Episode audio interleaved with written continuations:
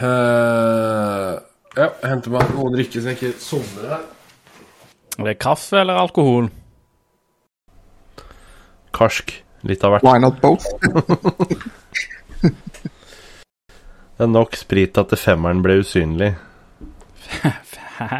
Er det, er det ikke sånn at du legger en femmer i en kopp, eh, kopp med jeg, tro, jeg trodde det var sånn at du, du fyller opp uh, kaffe lengst nede i koppen, og så slenger du en femmer oppi, og så fyller du på sprit fram til du kan så vidt skimte femmeren. Er ikke det som er regelen? Stemmer. Enig. Ah. Og da, da ligger ikke femmeren, da er det en stående femmer. Bare så det er Ja. eh, ja. ah, ok. Skjønner. Men har du kaffe oppi Jeg hører først? at du har uh, Du har festa ganske langt nord i Norge, holdt jeg på å si. Slekta er jo hele slekta mi fra Nord-Norge, på et eller annet vis.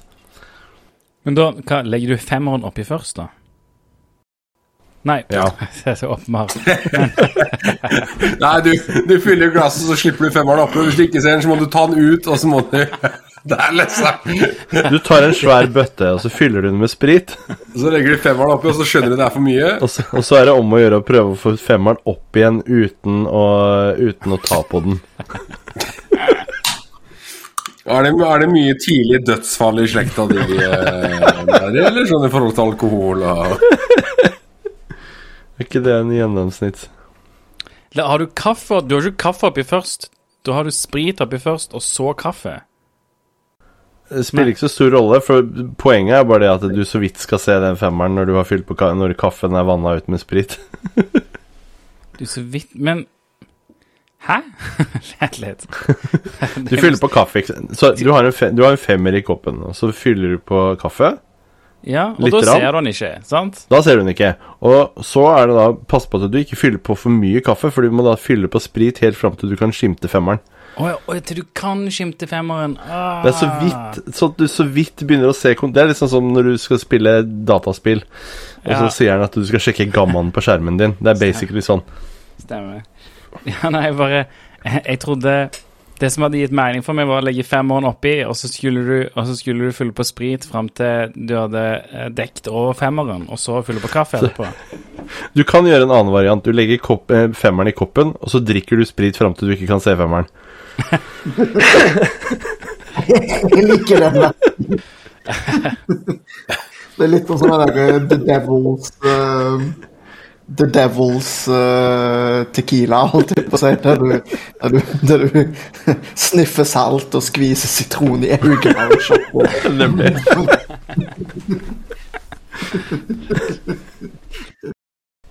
Det er litt Jeg tror det kommer fra samme slekta.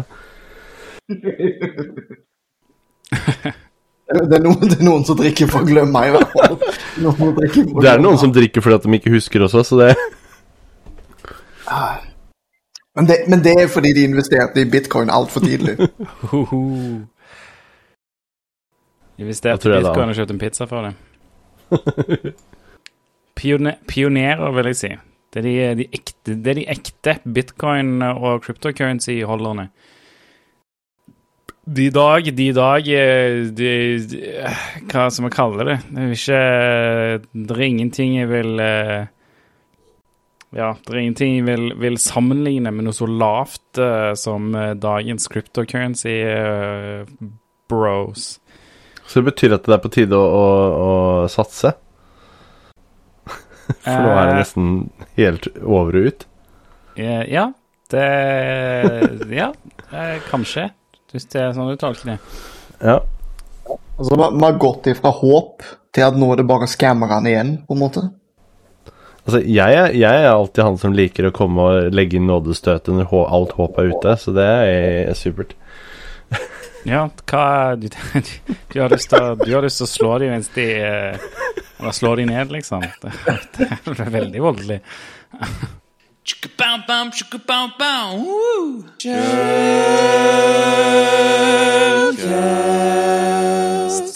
Hei og velkommen til episode 0x2E av Shellcast. Jeg heter Vetle, jeg jobber som pentester, og du finner meg på Twitter som at bordplate. Jeg heter Melvin. eh, Jeg jobber som en rødtimer. Du finner meg på Twitter som alias Flangvik. Og jeg heter Alexander, og jeg eh, jobber som pentester, og du finner meg på Twitter som at er det en ting.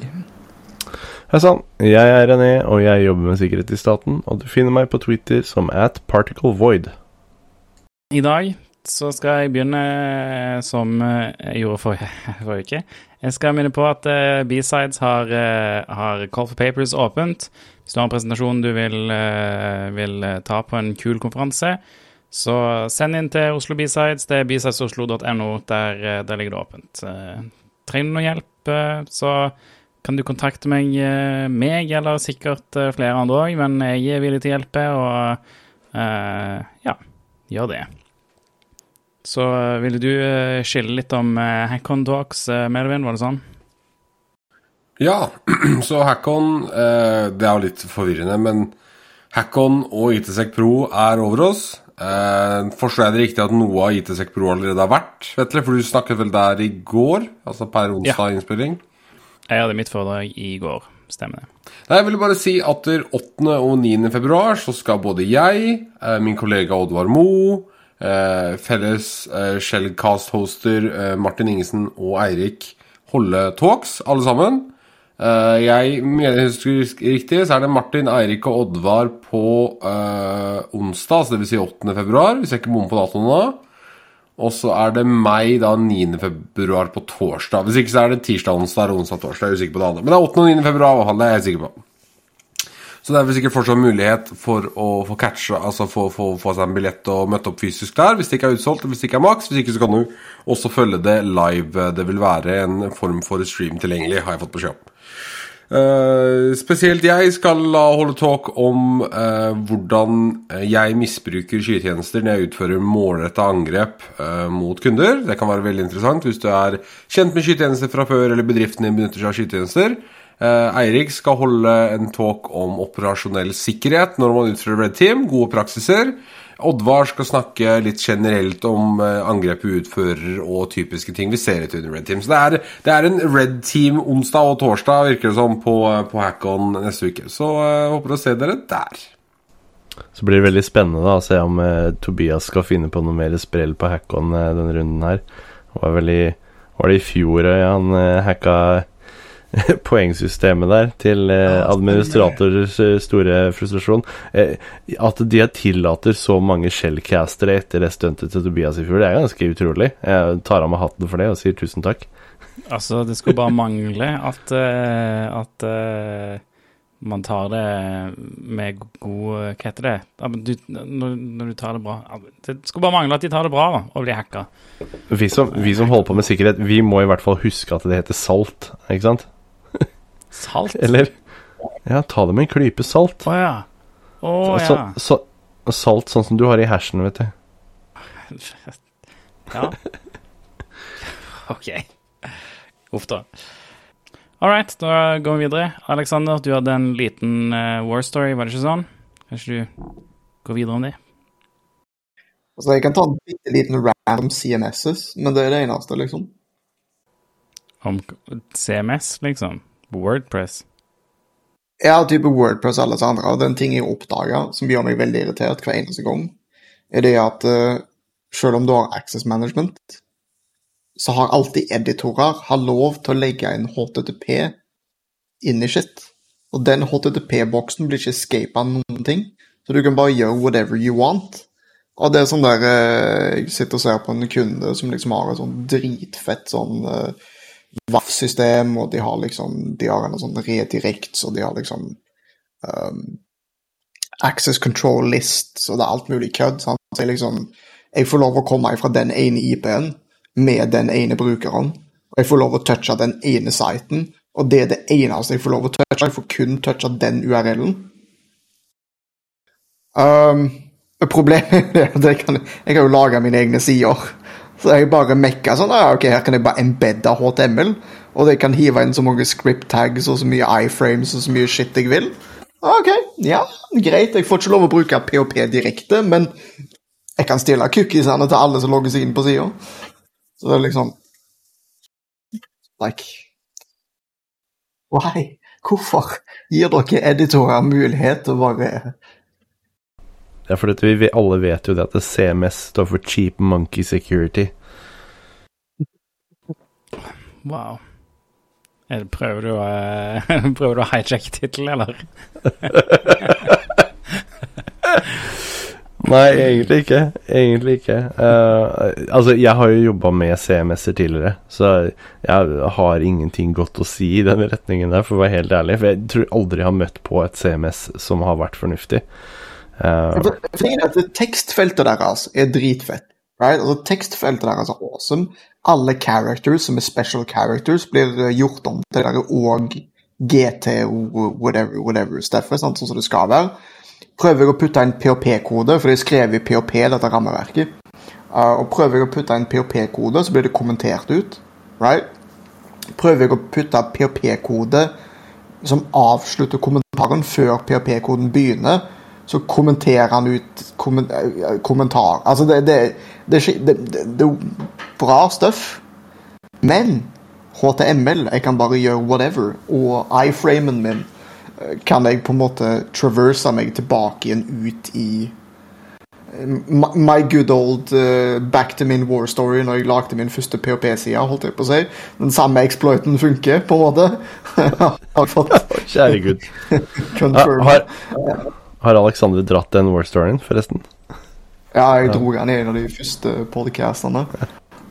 Det bekymrer meg at, eh, at eh, de kommenterer ut PHP-kode.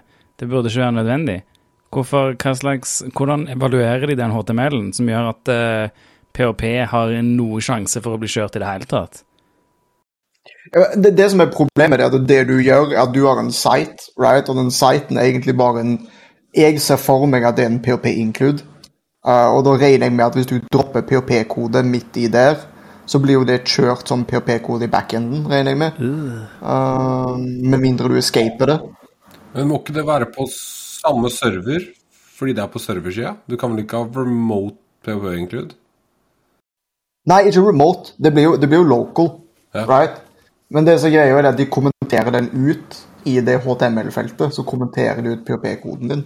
Uh, fordi han skal ikke ha PHP-kode. Men du kan embedde script tags. og sånn. Det er ingen som tenker på det. Så Ja, det gjør mye vondt. Men OK. Det, det er mye som gjør vondt i, i både PHP og CMS-verden.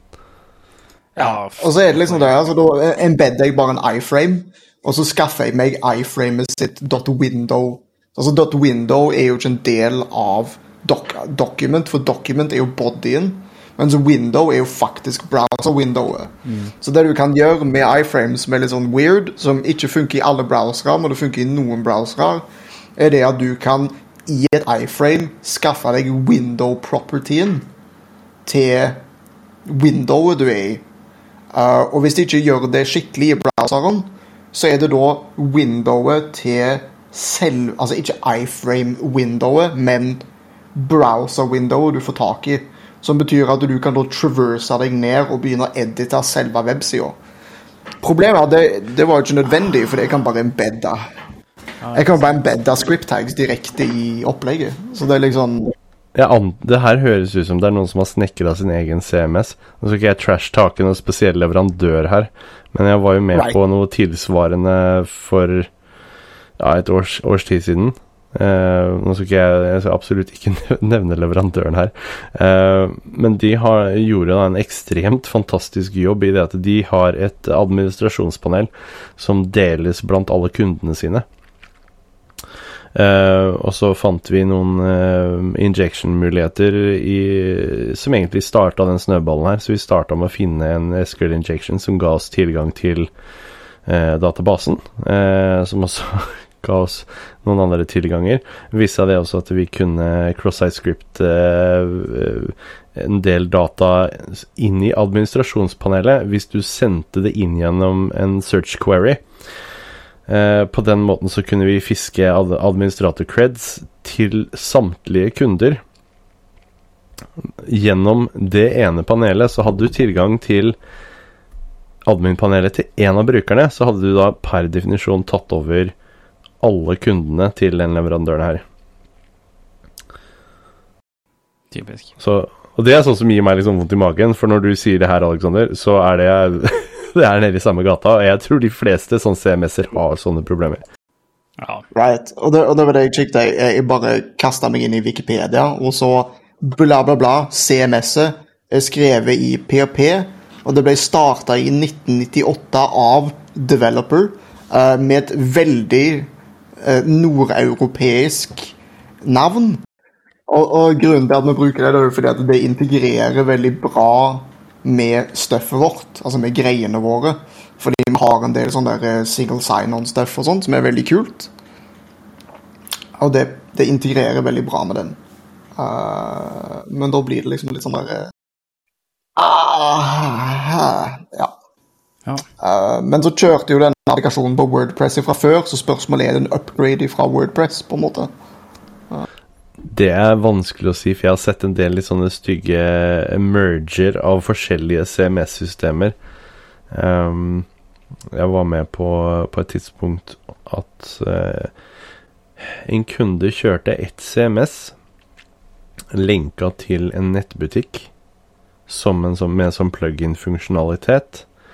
Også for å få en annen funksjon, en veldig spesiell funksjon inn i nettbutikken sin, så la de et tredje system oppå der igjen.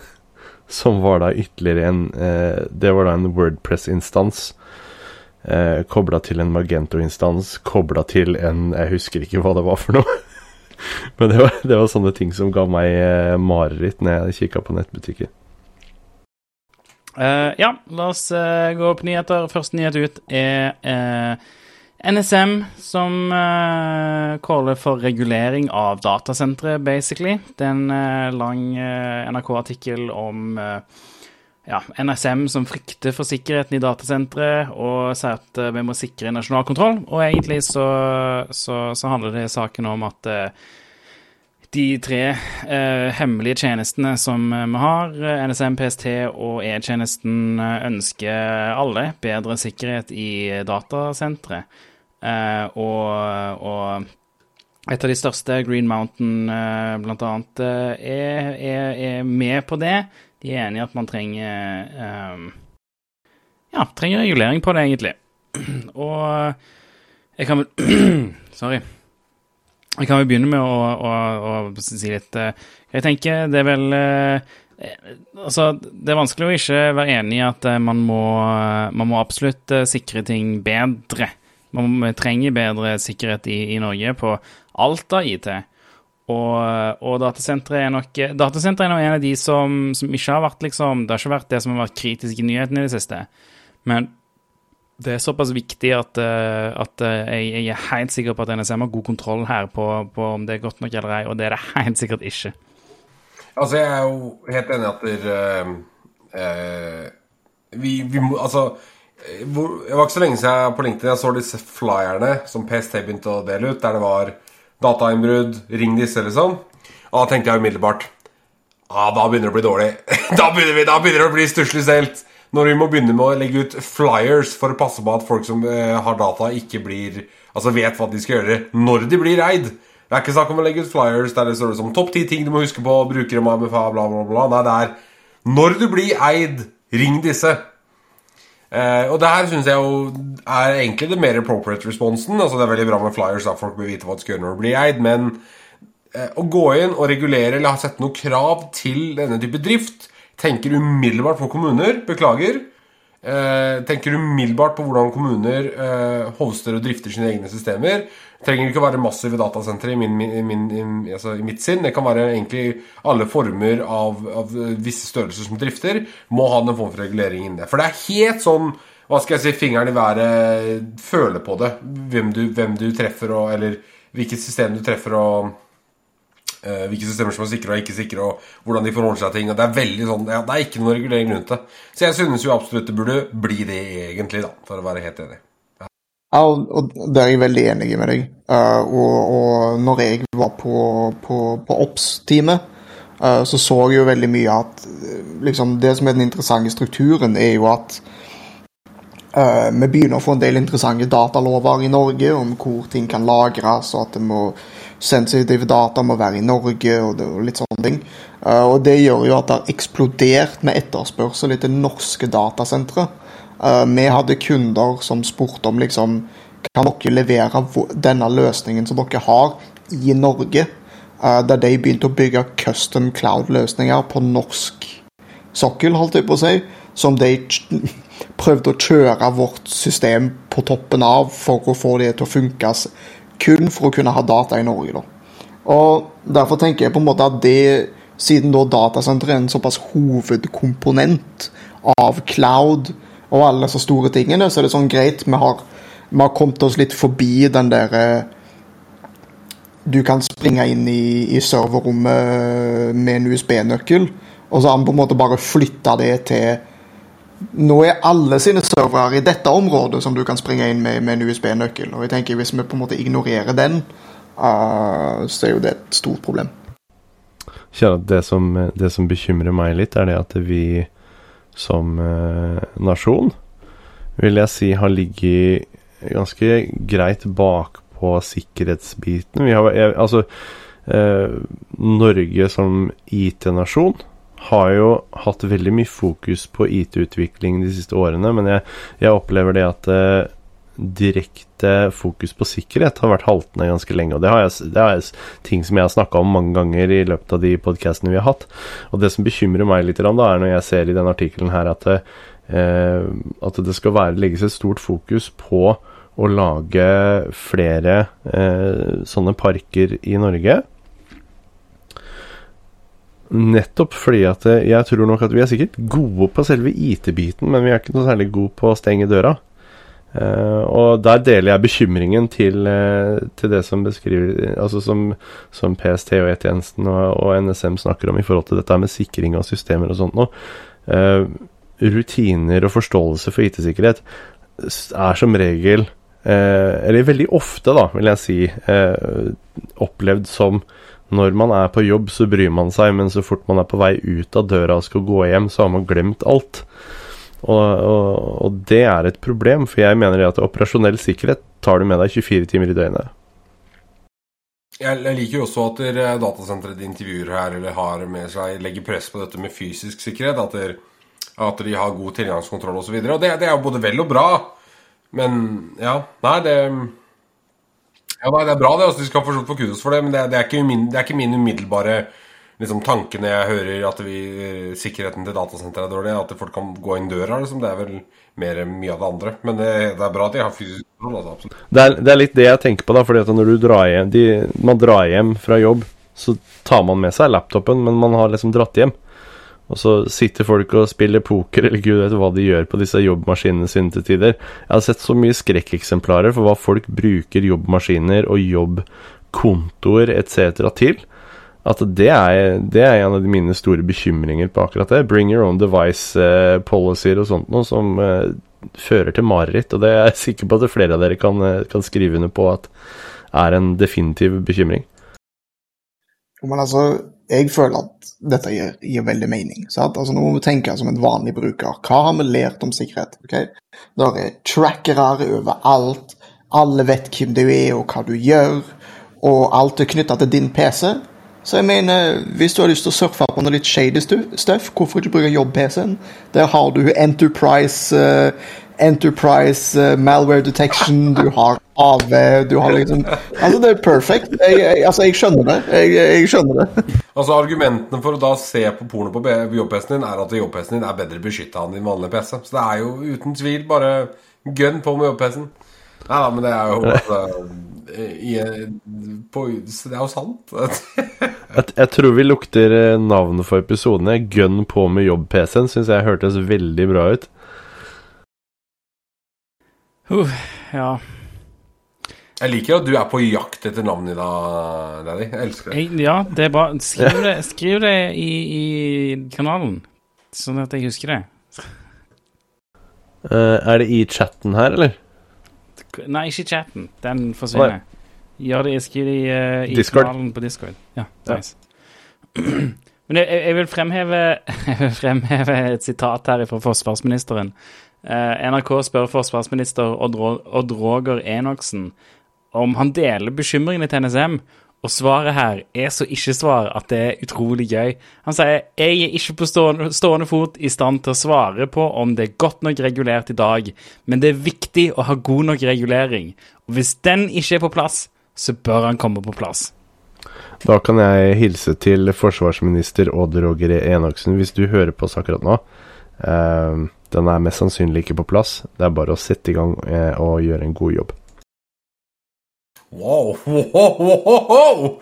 Mr. Daddy opening a direct line to the Minister of Defense, liksom. Nei, må, man må jo prøve, da, om den der tullepodkasten her er Hva var det han het igjen? Skal vi se, hva het den? Odd Roger Enoksen. Odd Roger Enoksen. Jeg tar fullstendig avstand til det der du sier, og backer selvfølgelig det norske folket og infra og alt. jeg bare tuller. Men eh, hvis, vi skal ta, hvis vi skal, skal se litt på den kommentaren til eh, eh, vår venn Odd Roger her eh, Så Altså, jeg er litt usikker på hvor god regulering det er i det store og det hele. Eh, og, og, det tar jeg egentlig bare utgangspunkt i i forhold til eh, komplikasjoner som man hadde rundt eh, Teams, og forståelse av Teams når vi gikk inn i pandemisituasjonen og alle skulle sitte på hjemmekontor. Uh, det har vært for veldig mange oppfatta det som at uh, hvis du sitter på Teams så, og du sier at uh, du skal ha datasenter i Norge etc., så har man alltid tenkt at jo, alle dataene lagres i Norge, men når sannheten faktisk viser seg det at hvis du har andre individer inni en samtale gjennom løsning som Teams, så plutselig så har du mellomlagring i alle landene som da er imellom deg og det individet som du snakker med. Eh, men det har da ikke vært tenkt på, eller eh, til dels kanskje vært eh, observert, før man på en måte virkelig hadde begynt å granske funksjonen av Teams og sånt noe. Og hvis man tenker på det at man har problemer med å forstå en, en stor leverandør som man skulle tro at man har litt innsikt hos, med tanke på alle som er sånne Microsoft-partnere og det ene og det andre, så, så, tenker jeg at da har vi sikkert ikke noe bedre oversikt over de små aktørene som sitter rundt omkring i Norge, eller eh, store aktører som sitter rundt omkring i Norge. Og så blir jeg sikkert hata av alle sånne serverparker eh, og eiere av sånne bedrifter i lang tid framover. Så jeg kan vel sikkert ikke få noe hosting på sikkert 15 år framover. Men dette, dette, er faktisk en ting uh, som jeg har lyst dette er, Nå kommer vi litt inn på et hjertebarn som jeg har. Uh, og det er observability. Uh, fordi jeg ser på veldig mange kunder. Du gjør OSINT, du gjør DNS Recon, du gjør um, Du begynner å lete opp ting.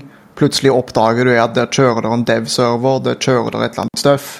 De deployer ting via DevOps i cloud, og så ligger det et gammelt skript å kjøre som de ikke har tatt ned. Um, sånn at det, det å ha oversikt, og det å på en måte ha en observability i systemet ditt, og det å da liksom vite litt sånn Det, det er superviktig, fordi uh, all, all, all Sansu quote Du kan ikke forsvare deg mot det du ikke ser.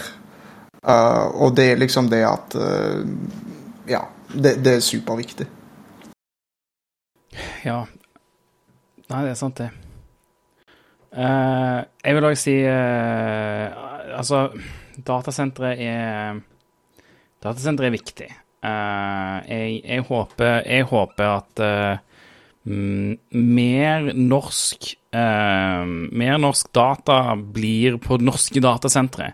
Spesielt sånn som kommuner og sånne ting som, som beveger seg over på, på cloud-løsninger og, og, og statsgreier. Alt det håper jeg ender opp i norske datasentre. Om ikke det er en norsk cloud-løsning i seg sjøl, så håper jeg i hvert fall at det er i norske datasentre. Jeg skulle gjerne ønske at vi hadde en norsk statscloud, uh, men, uh, men, vi får se hva, hva som skjer med det. Uh, og, og, og, bare fordi persondata er viktig. Og det er så mye forskjellige lover rundt omkring i, i verden om, om, persondata og hvordan det skal behandles og, og ditt og datt. Og spesielt liksom når det handler om kommuner og stat, så burde alt det være i norsk, eh, et norsk datasenter. Det er vår data, og den er såpass spesifikk Altså, den er det, det, det, det, er alt som er Det er oss, sant? Det, er data om oss. Og datasenteret er sånn sett eh, det, det er som all annen infrastruktur, sant. Eh, nå, nå som IT er såpass eh, integrert i hverdagen, så føler jeg at, at dette er akkurat som, eh, som vann og strøm og alt sånne ting. sant? Eh, det, det, det, det, noe av det kommer fra, fra utlandet, noe av det, det, det støttes fra utlandet, og noe av det sendes til utlandet òg. Eh, men, eh, men er norske Det er norsk infrastruktur for det. Og, og det samme burde gjelde for, for all data. Eh, jeg skulle ønske at ikke så mye data ble sendt ut da, eh, og solgt ut, mens, som man gjør med strøm, men eh, Jeg syns det, det, er et kjempeviktig poeng, fordi at vi, skulle, vi, vi, skulle ha like god fokus på norsk data og, og norske digital, norsk digital infrastruktur som det vi forsøker å ha kontroll på i forhold til andre norske eh, kjerne... Hva, hva, heter det for noe? Eh, nå kan jeg, kan jeg, lenger ikke eh, uttrykke meg ordentlig. Jeg husker bare sånne forkortelser som GNF og sånn, men eh, hva heter det? Grunnleggende nasjonale funksjoner er det jeg prøver å si. Mm. Så poenget mitt er i hvert fall det at det, eh, det er viktig at vi håndterer norsk digital infrastruktur som vi ville gjøre eh, Så klarer jeg faen ikke si det ordet igjen. Grunnleggende mm. Grunnleggende nasjonale funksjoner. Mm. Mm. Ja, jeg er helt enig. Det, det Ja, absolutt. Men da tror jeg vi må gå videre. Uh, og da skal vi over på, skal vi over på, på litt om eh, Vel, det, det er bitte, bitte litt om OL og mer om eh, eh, klovner, tror jeg. Men så denne saken handler om, om en eh, nå, skal, nå skal, jeg prøve å ikke, å ikke liksom kalle han for mye for klovn. Jeg skal ikke liksom Jeg skal ikke henge ut noen her. Men det, er litt vanskelig, for det er en veldig gøy sak. Uh, og, og, her er det mye Hva skal man si det er, ikke, det er ikke mye informert hacking som skjer her. Uh, jeg vet ikke om man kan kalle det så mye hacking heller.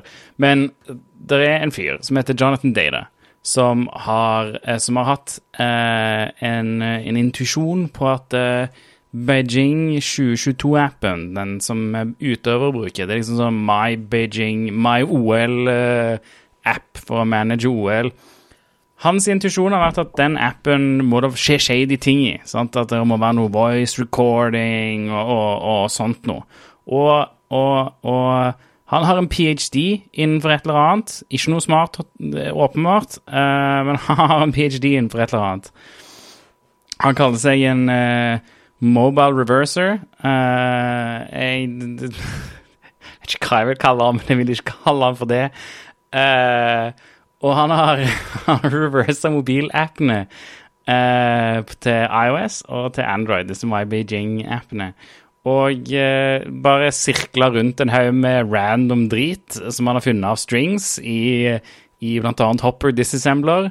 Og en av de tingene som er veldig gøy, som han har, eh, som han har gjort, er at han har kasta Android APK-en, altså en Android-app sannsynligvis skrevet i Java, inn i Hopper. Uh, eller han har kasta classes.dex. Han har ikke kasta hele APK-en. APK er jo en zip-fil. Så han har klart å unzippe filen, i hvert fall. Og, uh, og funnet dex-filen, som er liksom koden da, til, til Android-apper. Og det har han kasta inn i Hopper disassembleren. Uh, Classes.dex er Java. Dex-filer er Java-filer. Eller det er Java byte-kode, i hvert fall. Typisk som han enten skriver i Kotlin eller i Java. Det har han kasta inn i Hopper Disassembler. Disassemblere eh, jobber med instruksjoner. Bit, altså, jeg skal ikke kalle det bitkode engang. Det, det er men bytekode og instruksjoner er to helt forskjellige ting. Og Java bytekode kan ikke Hopper lese, så han har dekompilert eh, denne, disse Java bytekodene som eh, x86 og funnet random strings innimellom der, da. Eh, som jeg syns er utrolig, utrolig gøy. Jeg vet ikke om dette er så mye nyhet mer enn det bare en historie om en klovn. Det som, det som skremmer meg litt, er jo det at det, eh, på et eller annet nivå så har det her klart å klemme seg gjennom i nyhetene. For at jeg har sett disse advarslene eh, rundt eh, skumle kinesiske OL-apper eh, nevnt i andre nyhetssammenhenger. Og ut ifra det du beskriver her, så høres det ut som noen andre har tatt den informasjonen av en feil, feil eh, reversert eh, Java-snutt, holdt jeg på å si. Og gjort det til en sannhet. Nei, det, det, er ganske skremmende. Jeg hadde jo tenkt å komme med sånn humor som å si at det er veldig morsomt å se hvordan de anbefaler eh, folk å reise til Beijing med, med burner-mobiler og burner-laptoper. For jeg tenker at nå er det som å reise til, på tur for, på OL, det er som å dra til Defcon, var egentlig det som skulle være punchlinen min her. Men dette her er jo så mye verre, det du sier nå. Ja, når vi kommer til det òg Vi har en ekte OL-sak eh, seinere. Men eh, Ja, det skal òg sies at Citizen Lab har gjort the reverse engineering av, uh, av disse appene. Og Citizen Lab er, er et uh, velrenommert uh, selskap som kan det de driver med. De har bl.a. Vært, vært noen av de som har, har først sett på NSO sine single-click eller zero-click exploits til, til, iPhone og reversa de, da. Så, så de liker vi. Citizen Lab er flinke. Men uh, De jobber jo aktivt med å, å eh, avsløre forskjellige typer spyware og sånne stalkerware og sånt nå også i eh, Vet jeg rundt omkring i disse forskjellige mobile applikasjonsbutikkene. ja. Nei, så Jonathan Å oh, nei, ok, det heter Jonathan Data på Twitter. Jonathan Data 1. Uh, det, det, bare, det er så latterlig. Og folk, uh, folk, prøver å fortelle liksom du, du, er, Det er ikke riktig, det du holder på med. Uh, du, du, har ingen kilder som faktisk viser det du, du, snakker om. Du bare sirkler rundt random strings i en binary. Det gir ingen mening. Og så sier han false. I cite all the code. Read the threads. Så er det sånn? Du, du, peker jo på noen adresser inni her, men det, det, betyr jo ikke at det går an å ta noe ut ifra det. Det er jo ikke noe nyttig informasjon her. Det er noen random strings. Og så, på et eller annet point, eh, er jo Tavis Ormandy, som, som jobber for Google Project Zero, han eh, Uh, han, han, har, han, har, sagt uh, det er så mye feil her i disse screenshots, og det må, må jo være en parodi. Altså Jonathan Data svarte I would love to see your counter-analysis rather than just your opinion. Og dette er gøy. Tavis har skrevet tilbake igjen I guess it's just my opinion that disassembling Dalvik, Dalvik bytecode as XA86 code, then drawing red lines on it, is a kind of weird thing to do. Og det er helt enig det er kind of weird thing to do. Altså, dette har vi sirkla rundt i, i Infosec-verden uh, i det siste. Jeg har sett han før, skjønner du. Jeg har sett han før. Jeg har sett noen andre eh, latterlige forsøk på uh, å tro at noe er exploits før. Det er ikke han der iPhone-fyren som Kleman hadde en ND eller et eller annet for klikk? Jo, det, det, er nok det. Er det samme fyren? Å ja da. Ja da. Han har en ph.d. Eller han driver og forsvarer en ph.d. innenfor et eller annet uh, innenfor det. Ja, se her, ja. CS ph.d. student. Researcher Nei, computer science ph.d. student researching mobile spyware. Jeg regner med det, det går veldig bra. Det, det, men jeg, jeg syns, vet du hva? Jeg syns det er helt fantastisk uh, å, å, å, se hvor, eh, hvor confident denne fyren er når han har totalt absolutt 100% feil. Og han har hatt det lenge. Det er ikke sånn at han, det er, ikke sånn at han er en sånn totalt ukjent dude som bare plutselig kommer og gjør dette. Han har, han har, han har, han har vært, vært confidently wrong i flere år. og bare blir ikke noe bedre. Eh, det, syns jeg, jeg er veldig gøy. Jeg koser meg. Spørsmålet er skjønner CEO-ene det, eller spiser de det rått? Nei, det, det Vi får se, da. Jeg tror, jeg tror, ikke dette eh, påvirker så mye mer eh, enn bare infosekk-sirklene for denne gang. Så får vi se hva som skjer eh, hvis han faktisk får en ph.d., da. Men jeg er ikke helt sikker på hvordan det kommer til å gå. han bygger seg sikkert ikke en ph.d. basert på det grunnlaget her. Kanskje han finner seg noe annet. Ja. Så, eh, så nei, nei, altså Skal ikke liksom henge ut noen eh, på, på Jeg syns det, det er kanskje litt drøyt, men eh, Altså, alle, alle kan ta feil. Jeg mener det, Alle kan ta feil, men hvis du blir bevist at du tar feil, ikke vær påståelig i at du har rett, for du vil ikke få mer rett av å være påståelig. Ja, denne fyren har, har gjort dette så mye at det, jeg har ikke noe eh, empati eh, for han sånn sett. Oi, oi, oi. Ja. Det, det, det er jo misinformasjon. Det er jo det. Det er jo akkurat som at Kina driver og spyr misinformasjon. Om de vet at de gjør det eller ei, det, det driter jeg i. Det, det er misinformasjon, og du gjør faktuelt utrolig, utrolig feil. Men eh, det er alltid litt gøy. Så, så la oss gå over til noe annet som, eh, som er trist og gøy. Eh, det er nå Nå kan du, hvis du ikke Hvis du, hvis du Og her lager jeg egentlig bare reklame. Hvis du ikke klarer å finne CV-er, hvis du har prøvd i dag og natt å finne dine egne zero days, men du klarer det bare ikke. Dette er tungt arbeid. Du finner ikke CV-er i noen ting whatsoever. Men du har penger, og du, du, du er villig til å bruke penger på å kjøpe CV-er. Så har jeg løsningen for deg, og det er Crypto CVEs. Det, nå kan du endelig få CV-er som NFT. Er ikke det noe du ønsker deg i hele ditt liv? Åh, NFTs lar deg kjøpe CV-er, og de er bare dine, og de kan være public. Det er ikke sånn at du trenger å- de, de trenger ikke være skjult eller noen ting. De kan være public, de kan være kjent for leverandøren av programvaren. Så du kan eie en offentlig CV. Er ikke det gøy? Heng meg. Altså jeg, jeg hadde tenkt å dø av latter, men jeg endte opp med å bare dø inni meg. Det er mørkt. Det er mørkt. Dette det her, Altså, jeg, jeg vet ikke hva jeg skal si om det engang.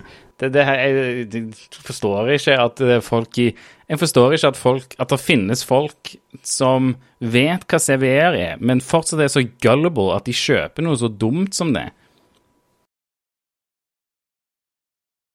Altså, kom igjen, da. Tenk deg, du kan være eieren av MS078, er det det? Sant? Altså, det Det hadde vært nice, da. Sant? Så kan du stille det ut i huset ditt med en sånn egen QR-kode som viser at eh, nå eier du den. Nei, Jeg skjønner ikke hva Altså, hva da eier? Du eier det noen har funnet ut er en tilknytning til en CVE gjennom noe blockchain, smart contract, bullcrap. Du eier jo ikke en dritt. Du gjør jo ikke det. Det ser ut som at du får en sånn funky pixel eh, Ja. Du får en sånn Sånn uh, Asteroids Eller nei, hva heter, hva heter det der gamle spillet igjen? Space Invaders heter det selvfølgelig. Det ser ut som at du får en sånn funky Space Invader. Uh, unik Space Invader per CVE. Da vil jeg bare si at hvis du kjøper en sånn, ikke putt en eh, brute force på døra di. Ikke heng den på døra di. Nei, altså det, det de har gjort der altså det, det som er det funky her sånn, sånn From the From the, the From the tool to, to reality, holdt jeg på å si. Greien her er jo at det de har tatt, det er at de har tatt hashen av uh, payload, eller av liksom denne exploiten, og så har de bygd en sånn eh, avatar av det basert på hashen. Eh, og det som er greia her, er jo det at det du eier er at du er jo bare en token. For dette er jo funny, fordi jeg kan opprette ei lik side. Og så kan jeg begynne å minte de samme NFT-ene på min side. Og så kan jeg si at ja, men dette er min CV-side, som, som bruker blockchain. Altså, du eier bare den tokenen i, på denne nettsida i på en måte Er det Ethereum de bruker? Eller sånn usikker på hva de bruker. Men det er liksom Altså, du får i hvert fall ei en fin ramme med et maleri, OK? Det Jeg håper det er en vits, dette greiene her. Det, det går ikke an. Jeg ser det er noen newly minted eh, ja, altså, Alle har nesten samme pris, da. Det er liksom ah, newly minted, og så er det en 7,8 CVSS-score av CVE på 10,5 Ethereum, som er 27 000-28 000 eh, dollar. Det, det går jo ikke an. Det er jo ingen som kjøper Det er ingen som kjøper eh, en CVE. Det er jo ikke kunst engang. Du kan ikke ha det som bakgrunnsbilde på datamaskinen. Det er ingen som kjøper det for 280 000 kroner.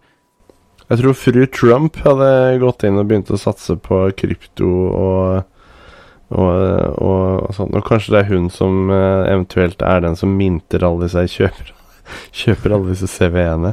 Eh, for hun har hørt det at det er mye å tjene på, på CVE-er på svartemarkedet. Ja, nei. Det, det alt jeg kan si om NFT-er, er at hvis du kjøper en NFT uh, Og hvis du, hvis, du, hvis du som hører på og uh, denne podkasten, har kjøpt en NFT, uh, så vil jeg personlig kalle deg en idiot. Jeg, jeg, jeg, jeg sier til deg, kjære lytter, du som har kjøpt en NFT, du er en idiot eh, på mange, på mange nivåer. På mange nivåer. Selv om det er en vits, selv om det er en vits, så en idiotisk vits. Jeg vet Oi, ikke oi, hva det er for noe. Ja, mye shots fired i alle mulige rare retninger her. Kommer vi til å ha en lytter igjen til neste, neste Shellcast, dere? Det, dette her blir spennende. Vi får følge nøye med på, på, på lytterne våre på Spotify framover.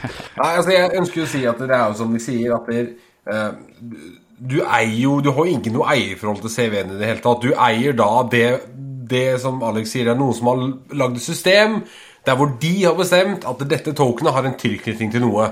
For alt du vet, ikke sant Ja, så med mindre hele verden anser og aksepterer at denne nettsiden kan knytte tokens eh, opp til eh, CVE, så er ikke det en ting. Nå skal det sies, da. Jeg er helt enig i at nettsiden er teit. Jeg kommer aldri til å bruke pengene mine på det. Men Men hvis hele verden eh, aksepterer at NFT er en ting, og at det har en verdi, så blir det fort like reelt som det bitcoin er, eller Ethereum er. Eller aksjer. Litecoin er. Fordi det, for det, det er det første?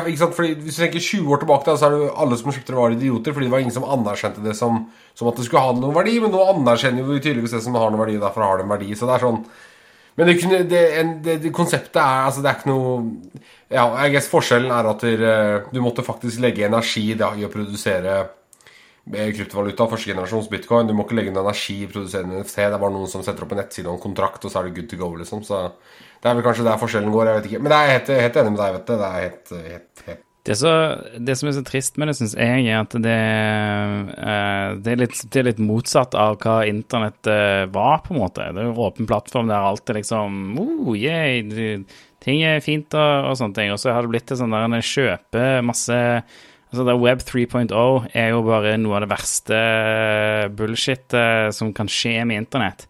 Det er å, det er å ta Det er å ta det er, som, det er som når du går til en journalist som har lyst til å tviste alle ordene du sier, eh, til det mest negative man kan si. Så er det sånn ah, Du sier ja, internett eh, når det kom, det var sånn Det er desentralisert, og alle kan gjøre noe med det.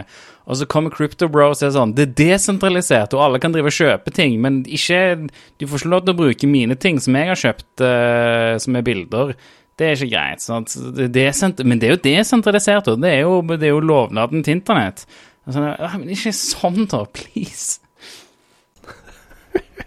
Altså, jeg ser på NFT-ene som uh, internetts uh, Internett 3.0 sine DLC-er. Dette her er helt sånn hinsides. Det er sånn pay to win. Hvis du har nok NFT-er, da runder du internett. Så det var min oppfordring for alle som da har lyst til å runde internett. Kjøp så mye NFT-er dere bare orker. Vær så god, kast penger ut av vinduet. oi, oi, oi. Nei, dette her blir for drøyt, uh, folkens. Ja, vi Dette må, blir for trist. vi må gå videre til ekte Kina. Jeg har lyst til å dra en sånn parallell til Steam Achievements, eh, og egentlig Game Achievements generelt sett. Eh, det er veldig kult å ha en Game Achievement, Uh, og hvis andre syns at det er kult, så er det kult for deg. Men sånn, i det store og hele så skaffer du deg en Game Achievement, enten for å bragge til andre, eller for deg sjøl. Og det er jo det som er det store problemet i, i hele situasjonen her, er det at alle kan alle, altså Nei, problemet her er at vi alle sammen tar WoW-gull alvorlig. NFT-er er WoW-gull IRL.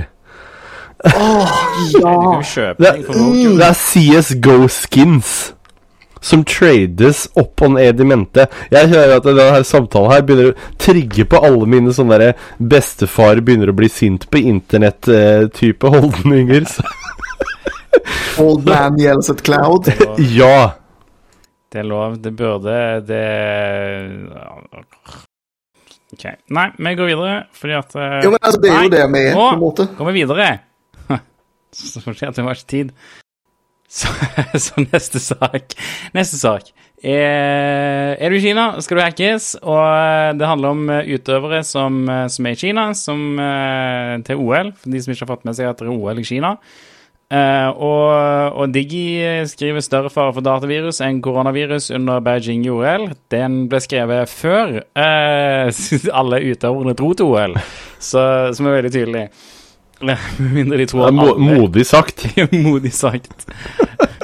Men til, til OL-utøverne, eller til Diggis forsvar, da, så, så fikk OL-utøverne korona på vei til eh, OL, og ikke under OL, eh, faktisk. Jeg vet ikke om det hjelper.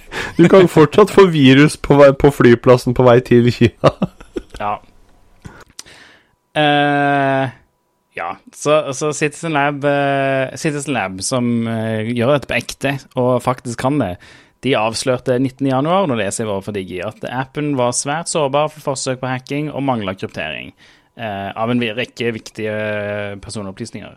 Så eh, det er jo ikke akkurat uh, positiv uh, review fra, Men- fra Citizen her. Men er det veldig overraskende? Unnskyld meg, er det veldig overraskende? Jeg, jeg, var, i en, jeg var på en sånn kryptokonferanse i Amsterdam i ja, Hva er det, blir det for noe? 2019? 2018? 2019?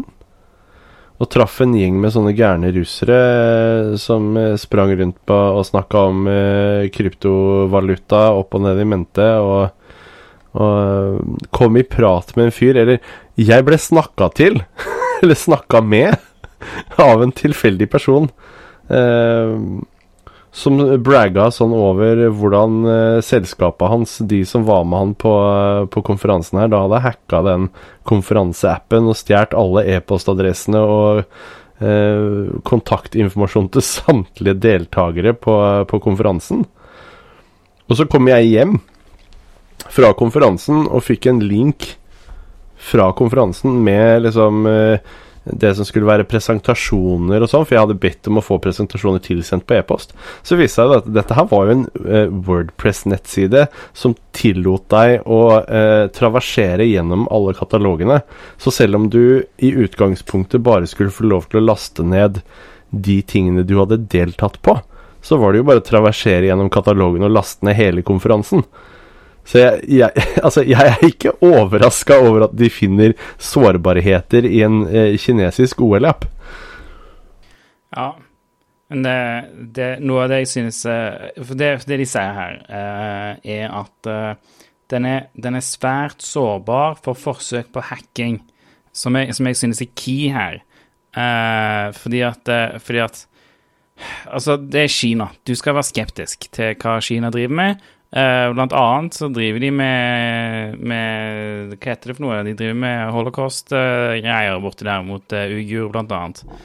Eh, så, så man skal være skeptisk til hva de driver med. Og, og det er åpenbart at Citizen Lab har ikke funnet noe som er direkte overvåkning. Og Kina, ikke, og Kina er ikke dum nok til å, til å legge inn direkte overvåkning i appen. De vet at uansett hva de gjør med oppfuskering, og uansett hva de gjør, så, så, så er, det, det lett å oppdage, liksom. Du, du, du, mister det ikke. Men at appen er sårbar for forsøk på hacking? Det, er ikke, det, er ikke, det er ikke lagt inn liksom bakdører som er liksom sånn If, uh, if uh, HTTP header backdoor equals true, uh, then execute backdoor. Det er liksom, men, men du har gjerne Du legger inn en buffer overflow, du legger inn, uh, du legger inn sårbarheter i appen som du vet om, som gjør at uh, hvis, hvis noen bruker appen, så kan du hacke dem, fordi at du vet nøyaktig hvordan sårbarheten funker. Og, og blant annet mot iPhone, så vi WhatsApp hadde hadde uh, en, uh, en buffer overflow, eller de hadde en slags code injection-feil i, eh, i, i ringefunksjonen sin. Sant? Det var et C-bibliotek. Og det var mulig å exploite og få tilgang til WhatsApp-appen. Og fra der så har du code execution på telefonen, og derfra så kan du jo bruke whatever du har av kernel exploits eller sandbox escapes. Sant? Så de inn, hvis de har lagt inn sårbarheter som de vet om, så, så er det en backdoor, liksom. Men det ikke, det ligger ikke noe kode der som, som sier 'Å, nå, nå lytter jeg på deg. Nå hacker jeg hele telefonen din'. Altså, Altså, jeg, jeg ser også litt sånn at eh, hvis man skal være bekymra for å reise til Kina, så er ikke det på bakgrunn egentlig av en, eh, en applikasjon som du får, skal bruke under OL, med tanke på det at du reiser til et land som du i utgangspunktet er bekymra for regjeringen til, når regjeringen i utgangspunktet styrer alt som er av telekom og internett og sånt. Så det spiller ikke De har mange bedre måter å stjele alt det du sier og eh, sånt noe på, enn å bruke en mobilapp eh, som har en sårbarhet. Nå skal jo alt du kan laste ned og pakke ut på en PC, ha en potensiell sårbarhet. Så, så, jeg vil være mer bekymra for å koble meg til et, eh, et kinesisk eh, telefonnett eh, i risiko for å bli avlytta eller noe sånt, noe, enn det jeg skulle være nødvendigvis direkte bekymra for en potensielt sårbar mobilapplikasjon-app, for de har vi plenty av. Jeg bare kan holde på å si nesten runda der med at jeg tenker jo at det er kommer kanskje litt på at de skal kunne claime deniability. da, ikke sant? 'Å nei, beklager, vi lagde en så ræva app.' Så 'Å nei, dere bleid. Unnskyld, altså. Det, faen, skulle lagd en bedre app', liksom. Eh, fordi ikke sant, De vet jo Kina, og de er skumle, men de er ikke dumme. Så de vet jo at hvis man skal tvinge idrettsutøvere til å installere applikasjoner, så kommer det til community scrutiny av hver eneste org. Eller unnskyld, av hver eneste land tilsvarende de uh, utøverne. Så da gjelder det kanskje å ikke legge noe veldig skummelt der, for da kan man skape konflikt, men bare gjøre en jævlig dårlig jobb, da. ikke sant? Legge inn egentlig en reverse, altså type Jeg husker, husker sikkert Bindshell. Nå kjører man jo bare reverse, eh, altså Shell og HTTP, HTTPS og alt som er. Før så hadde man jo Bind, der man bare nådde ut til en enhet man skulle koble seg til, og så trykka man, og så, og så fikk man tilkobling. Så det kan jo være en, en, en ny vri på noe sånt. Da. Eller så er det jo bare at kineserne kasta her opp i all all hast og faktisk ikke har noen intensjon bak det. Jeg er usikker på hva for noe sånn politisk de kan tjene på å overvåke disse idrettsutøverne. Sånn direkte, i hvert fall. Det er sikkert noe indirekte, men kanskje ikke direkte. Jeg innså nettopp det at hvis jeg noensinne skal reise til Kina etter den podcast-episoden her sånn, så må jeg slippe, eh, slippe en sånn herre John Sina-gråtevideo eh, hvor jeg sier unnskyld på kinesisk. um. det er sant. Du må det kan ta det her nå hvis du vil. Jeg kan finne hva John Sina sa på kinesisk. Jeg, jeg, er ikke, jeg, er ikke så, jeg, har egentlig ikke så veldig stort behov for å reise til Kina. Jeg skulle, jeg skulle søke på John Sina Chinese tekst eller noe, og så autofyller Google til lyrics. Så det er spennende. Spennende. Jeg tror jeg skal, jeg skal ikke si det, faktisk. Det hadde ikke blitt noe bra. OK. Uh, har du lyst til å ta resources, Melvin? Ja, jeg kan dra innom det. jeg. Gi meg et sekund her. Uh, vi har da som sagt uh, noen Shell resources, som er egentlig stuff som har blitt sendt fram og tilbake i Discord-kanalen vår, vår private kanal, siden sist gang. Så jeg tenkte jeg skulle nevne noen av dem. Linker ligger selvfølgelig i shownotes. vi har da et rammeverk som heter Mortar, Mortar som skal være diverse Eh, antivirus bypass, og evasion-teknikker eh, bygd inn. Eh, det tar da holdt på å si Det virker egentlig bare som det er en shellcode loader, så den tar da en med uten argumenter inn. Så får du et eller annet ut som du da kan kjøre, og så det blir lasta inn i en separat loader. Så det er sikkert noen sneaky triks inni der du kan stjele og remodify til din egen well-being hvis du trenger det. Så har du Invoke PS Obfuscation, uh, som er en, en, ny approach for PowerShell, PowerShell-obfuskering. Uh, den her har vel Ok, så det her er Ok, det er en ny type obfuskering, egentlig. da eh, PowerShell-obfuskering har vært overalt hele tida. Det finnes mange rammeverk for det. Den her ble sluppet for snaue fem måneder siden. Så dette er da noen nye takes på obfuskeringsteknikker i PowerShell som kan være nyttig til bl.a. AMSI bypasses. Nimpac, enda en loader som har blitt sluppet etter popular demand på Twitter. Uh, en, en shellcode loader. Du kan pakke eh, payloadene dine ehm, rett inn i Nimpac, og du får til og med en fin Cobble Strike plug-in, så du slipper å gjøre noe i CLI. Du kan gjøre det fra GUIN, og så får du filer ut du kan kjøre på maskiner med antivirus installert, og mest sannsynlig da få noe bypass. Den har en del options, ser veldig gjennomlagd ut. Sluppet for fem dager siden, så den ville jeg tatt en titt på. Absolutt. Eh, Så har vi et rammeverk som heter Rita EJ, som er et open source-rammeverk for nettverksanalyse. Eh, Og det er da sponsa av Active Countermeasures, som jeg ikke har noe bekjentskap til. Eh, Så det kan jo være nyttig i en blue team, purple team-setting når man ønsker å gjøre threat, altså detection modeling osv. Ta en titt på det. Ligger i shownotes. Sist ut da er noe som heter Malware Archaeology, altså arkeologi. Sa jeg det riktig på verken norsk eller engelsk? Archaeology. Arkeologi. Eh, som egentlig bare er en langt oppslag med diverse informasjon relatert til skadevare og antivirus som har blitt lagt ut. Blant annet masse cheat sheet cheat til logging, avansert logging, splunk-logging, filtrering, registreringslogging osv. Basert på datasett fra tidligere uh, skadevarefamilier. Så den kan jo være en sånn quick start guide hvis du skal deploye detection på nettverket eller har lyst til å titte litt i det. Det ser jeg veldig mye bra her. Veldig mye eh, logon-typer, feilmeldinger, loggingstyper. Så den her er gull, faktisk. altså. Mye, mye, mye bra. Det tror jeg var det vi hadde av Shell Resources. Ja, jeg, har, jeg har lyst til å bare legge inn til en, en liten sånn rask ting i forhold til den Rita-varianten som vi har uh, linka til. Dette her er da ikke den originale Rita-varianten, men en implementasjon av Rita i eh, Jupiter Notebook. Og det er vel det som er litt spesielt med akkurat den implementasjonen her. Så eh, for Rita er jo da Er det han eh, eh, Holdt på å si vår gode venn i, i, i Black Hill Information Security, hvis ikke jeg husker helt feil, som skrev Rita originalt. For det er basert Rita har vel strengt tatt navnet på mora hans eller noe sånt. da. Eh, som da er en sånn framework som er godt kjent. Eh, men Rita J er da en Jupiter Notebook-implementasjon eh, av dette, som kan være ganske hendig for de som skulle trenge det. Ja, Da eh, kan vi avslutte her. Med, som alltid så må vi jo nevne eh, kanalen vi har på Norsex Discord.